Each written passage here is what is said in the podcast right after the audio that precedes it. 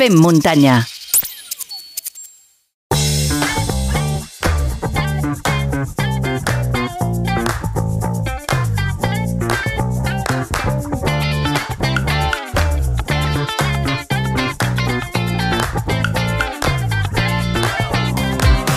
Al Fem Muntanya hem parlat en alguna ocasió de motxilles i també de cinturons d'hidratació. En la secció d'avui parlarem de motxilles, només, única i exclusivament.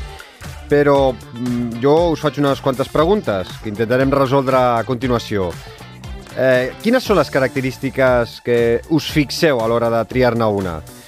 Doncs eh, per saber-ne quines són les principals detalls que eh, ens hem de fixar, ho resoldrem amb el nostre col·laborador, l'Oriol Antolí, que n'ha fet servir unes quantes al llarg dels darrers anys i ens explicarà quines són doncs, eh, les que ell fa servir pels seus reptes. Oriol Antolí, ben tornat al Fer Muntanya. Hola, moltes gràcies. A veure, primer de tot, eh, ets més de motxilla o de cinturó d'hidratació? Jo sempre he sigut més de motxilla. Els cinturons, no sé què em passa, jo crec que tinc el cos d'alguna forma estranya que no, m'acaben de, no se m'acaben d'adaptar bé mai. No? Eh, encara que sigui només per portar un soft flask de 250 mil·litres i portar poca No, cosa, no. sempre motxilla, Sempre eh? se'm mouen, sempre se m'apugen, se m'abaixen, no hi ha manera.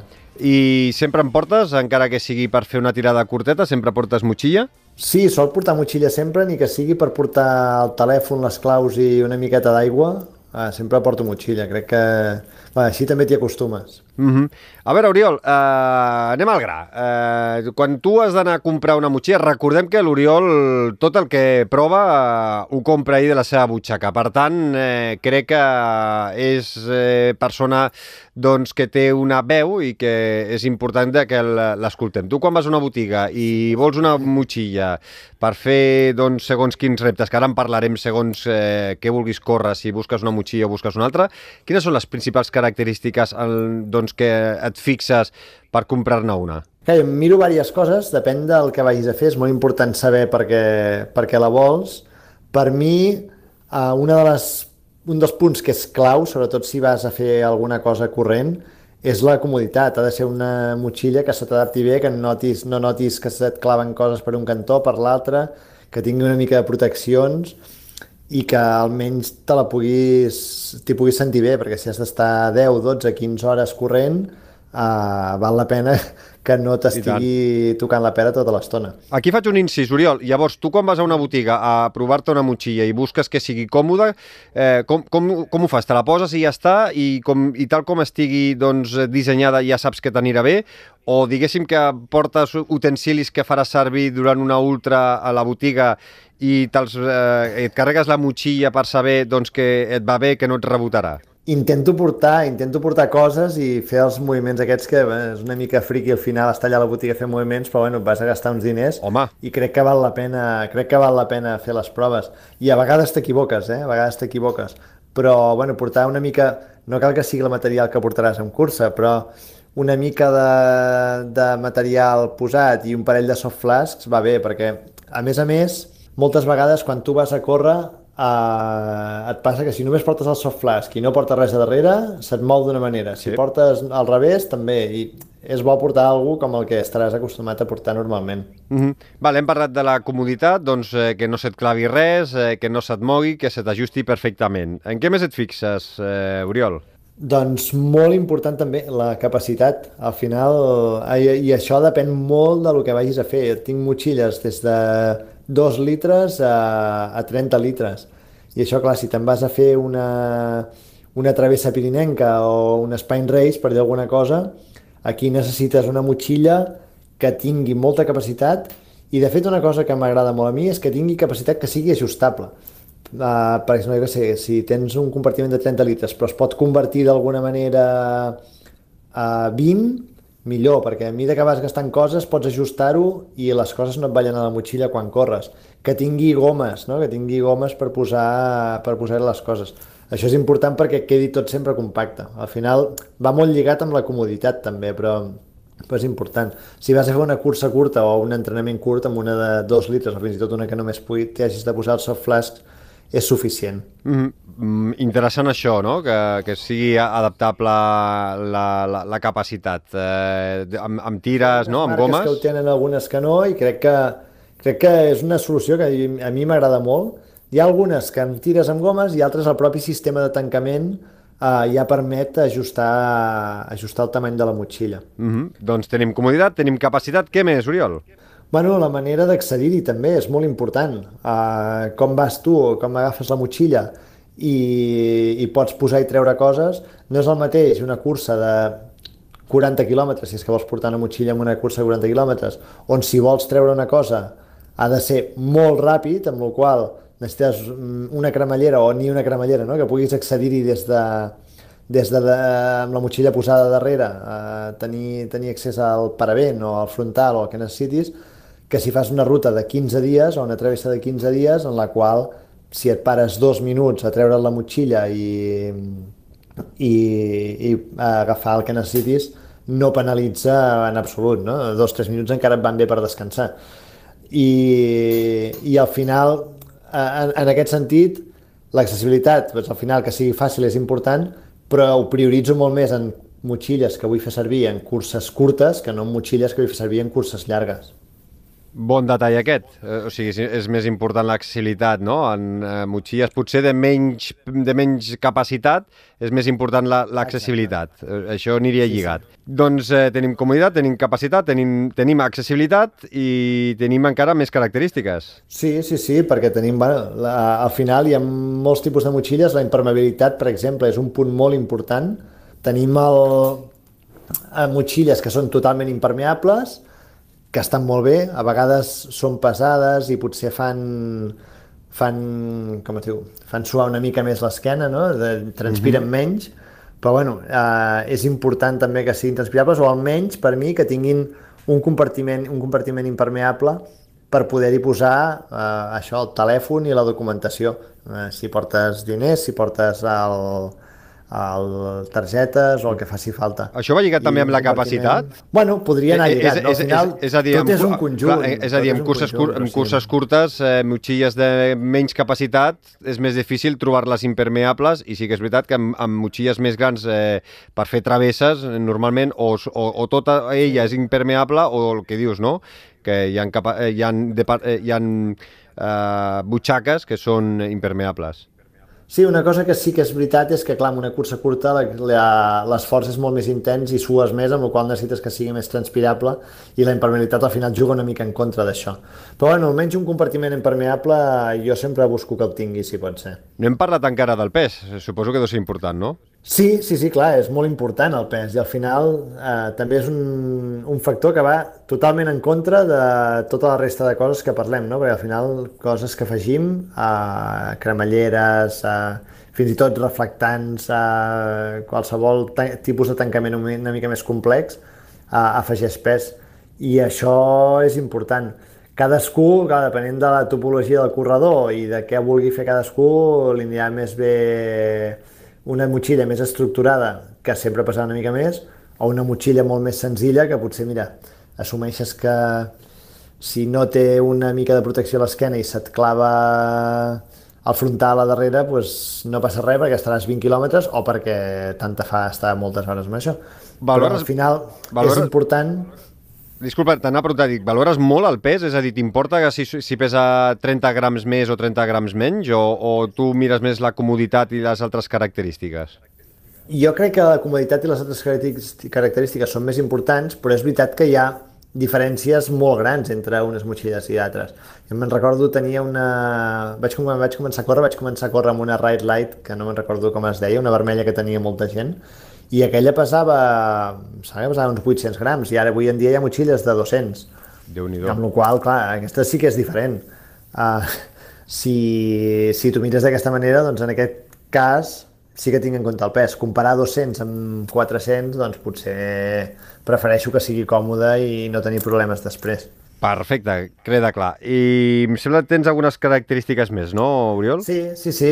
Bueno, també sempre penso que és molt important que la motxilla tingui tant compartiments davant o darrere, gomes, butxaques, sobretot alguns que siguin accessibles amb les mans eh, sense haver-te de treure la motxilla.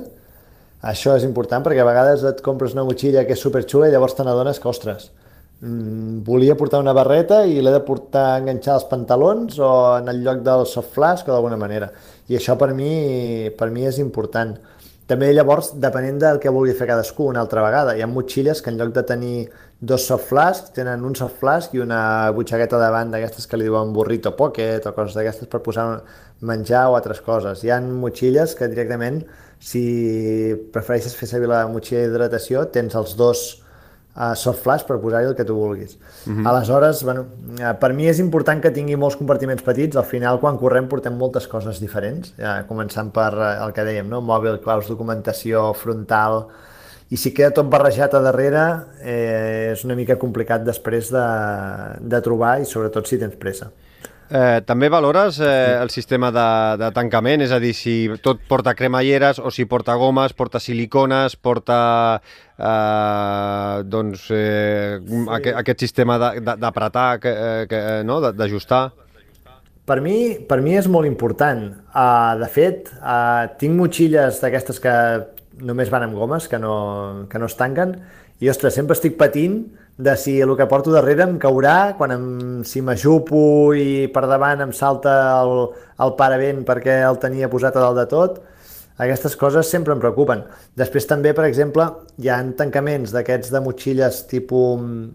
les motxilles aquestes que es fan servir pels rius, que es cargolen per dalt i al final, eh, al final es lliguen. Sí que, que són el que comentàvem abans, no? que va molt bé per ajustar el tamany de la, de la motxilla.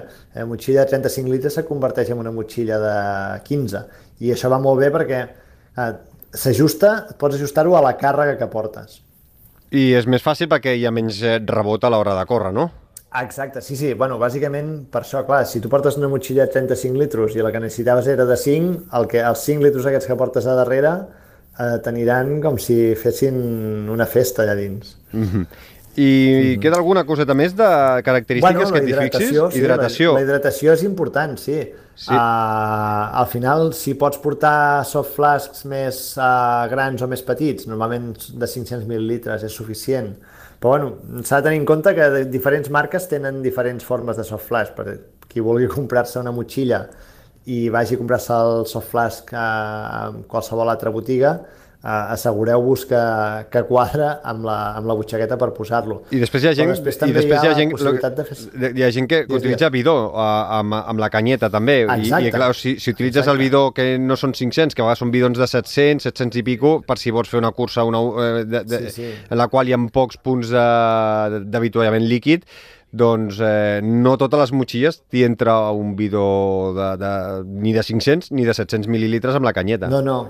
I val la pena provar-ho en el moment de comprar-ho perquè si no et pots endur una sorpresa.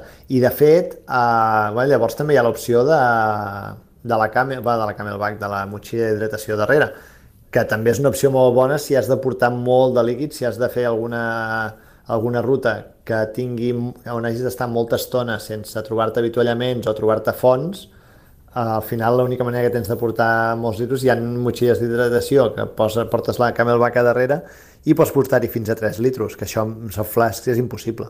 T'agrada el sistema Camelback? El fas servir sovint o no és mm, el sistema d'hidratació pendent? Clar, dep depenent dels casos. No és el meu sistema preferit perquè llavors costa d'omplir, sobretot si és, que, si és que tens llocs per avitullar-te sovint, però sí que és veritat que en moments que, que has de fer rutes amb, poca, en pocs llocs on pots agafar aigua, doncs sí, per mi és una opció. A mi el que em costa més, el que, el que em costa més d'aquest sistema és que clar, és molt difícil saber l'aigua que et queda mm. darrere. I, I clar, això a vegades et suposa una mica d'estrès de, en el sentit de que penses, ostres, no sé fins quan em durarà, no? Estic totalment d'acord. En alguna... A principi de començar a córrer pensaves que anava amb la Camelback, que me'n recordo, i, i, i em passava, no? Anar amb una cursa, portar la Camelback i, i dius, bueno, doncs ara aquí en aquest habitualment no paro perquè crec que porto, com que portava un litro al principi, has anat xur, eh, xarrupant i, i et penses que igual et queda més de mig litro, que arribes al segon habit i resulta que et quedes sense aigua bastant ràpid, perquè no has calculat bé, perquè et pensaves, pensava, pensava i t'has quedat sense hidratació. Sí que és, eh, potser és un dels problemes que té la, la Camelback, aquest sistema. Sí, sí. Per, per contra, eh, carregar el pes a la motxilla uh, és molt més còmode que portar-lo amb soft flash que pot anar ballant d'un cantó a l'altre, Sí, no, normalment. no hi ha rebot amb la Camelback, que això sí que és veritat. Si, es pot, si, si no el portes eh, separat eh, amb aquell sistema eh, de, se, mm, per evitar la, la, que se t'escalfi amb l'escalfor de l'esquena, pots veure al cap d'una estona l'aigua una mica calentona, eh? això sí que és veritat. Sí, sí, exacte.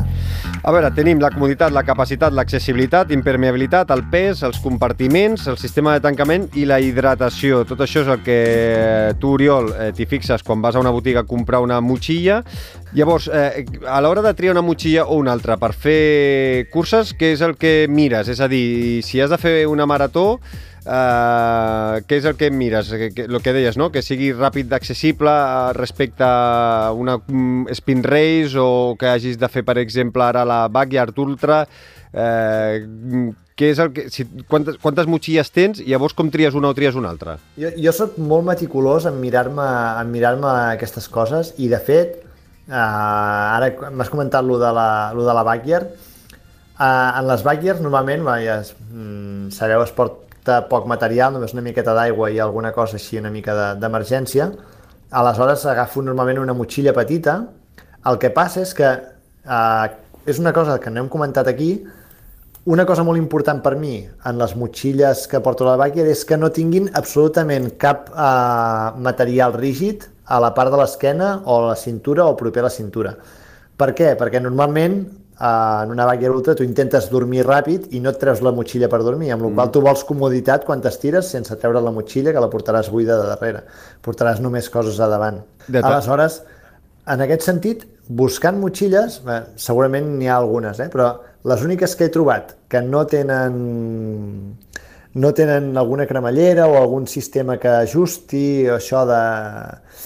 que et pugui molestar són motxilles d'Evadict, Les, que, de, la, que les, són les del Decathlon. les del Decathlon, exacte. Sigui, les del Decathlon no tenen res i, i per comoditat de posar-te i dormir, aquestes van molt bé. I per això, precisament, a les backyards porto aquestes motxilles, jo. Uh -huh. Doncs eh, curiós, vinga, has parlat de les Evadict, eh, quantes motxilles tens ara mateix al teu armari? Bé, en tinc unes quantes, eh? perquè d'aquestes d'Evadict en tinc de, crec que és de 10 litros i de, i de 5. Després tinc la, una Salomon de 2 litros, d'aquestes que és bàsicament per portar només els bidons. Aquesta la faig servir sobretot per entrenos curts o, o per curses que, que vull anar així ràpid i que sé que no em suposaran gaire, que no necessito material obligatori ni, ni, és, important, ni és important portar gaires coses. Després tinc una, una Arc Max que em va, em va molt bé per curses del voltant de 80-100 quilòmetres. El que passa és que és veritat que és una motxilla que si no... És, ostres, no recordo com es diu ara mateix, perdó, però és una motxilla que si la portes buida de darrere eh, té molt poca estabilitat a davant, és a dir, els bidons se't mouen molt. L'has de portar compensada. Per això abans també deia que havies de tenir en compte no? que de quan anaves a la motxilla portessis el que, a la botiga portessis el que porta, algo de pes semblant al que portaràs a la cursa. -huh. I llavors després, uh, les meves preferides, uh, que són d'Ultimate Direction, tinc, en tinc unes quantes, tinc de les que són de córrer, diguéssim, tinc la versió Ultra i l'Adventure, l'Adventure és més gran i el que passa és que davant només hi pot posar un soft flask i té una, una butxaqueta, aquesta em va molt bé per curses llargues, de 160 o, o més, perquè té capacitat a darrere, s'ajusta molt bé i a mi, al final suposo que també va amb la forma del cos i cadascú ha de trobar la seva, eh? però a mi em són molt còmodes. I després la Ultra, eh, sí que és més petitona, és de 8 litres i pot portar, pot portar dos soft flasks i a més a més té un ajust a la part de darrere de la motxilla que fa que quedi tensa i se t'agafi la... molt bé a l'esquena. I això a mi em va molt bé, perquè, mm. perquè a nivell de comoditat, que és el que dèiem abans, no? a nivell de comoditat i capacitat, per mi són les que he trobat que em, que em van més bé. Uh -huh.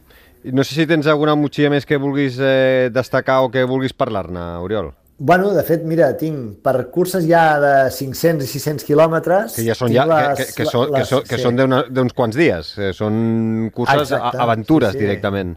Ah, que són curses aventura.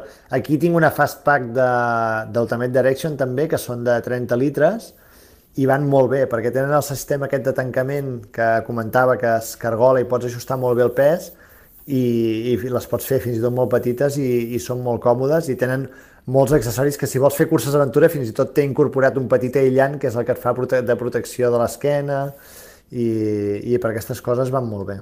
Mm -hmm. Doncs eh, no sé si vols comentar alguna cosa més, perquè jo crec que ha quedat tot bastant clar. Eh, no sé, eh, clar, és que fas eh, curses, eh, pots arribar a fer una marató, a passar-te 80 hores o 90 hores eh, donant voltes, a fer un spin race o fer un tor de geants. Vull dir, clar, eh, per cada distància i cada cursa, doncs eh, tens aquí per, per muntar una botiga directament només de motxilles, eh?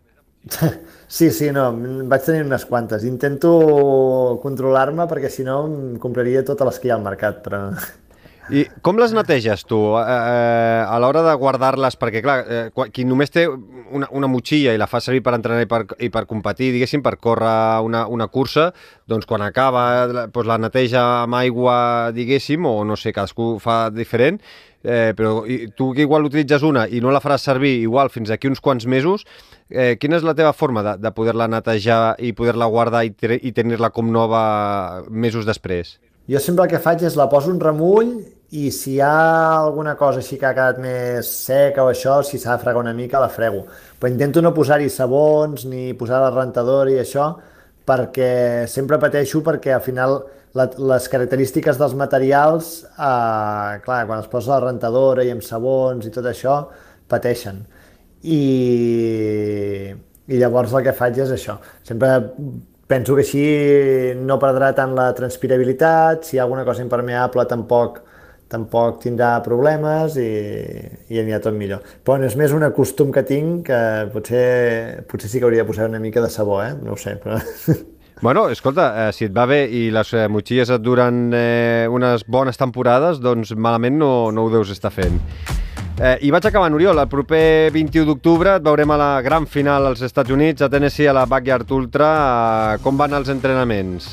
Bé, bueno, la, la gran feinada ja està feta, Ara, bueno, tinc allò amb una miqueta de molèsties, però bueno, jo crec que, que seran controlables. Mm, molèsties... Eh, a veure, eh, et fan patir de cara al 21 d'octubre o no?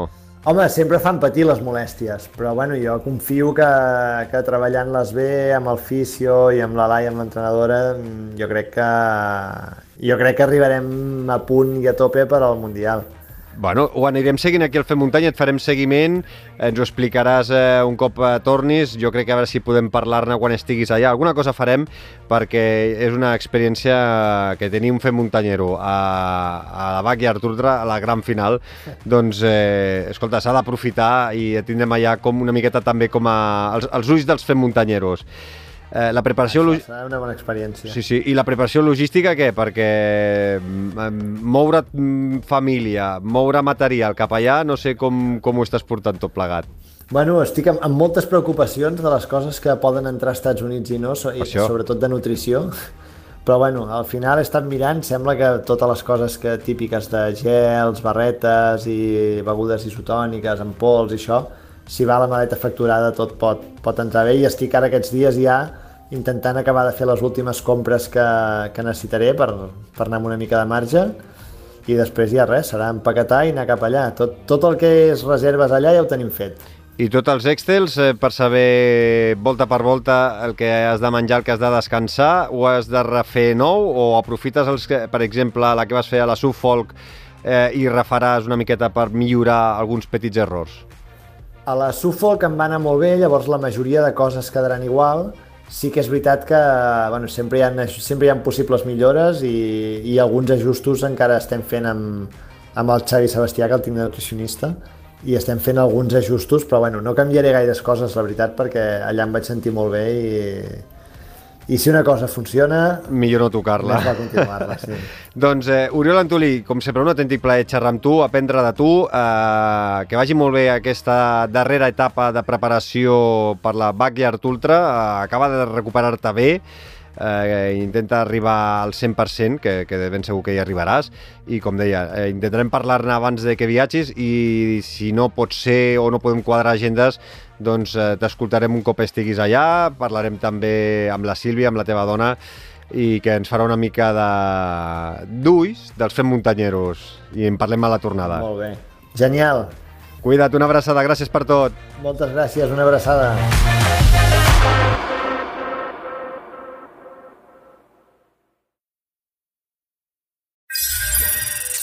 Fem muntanya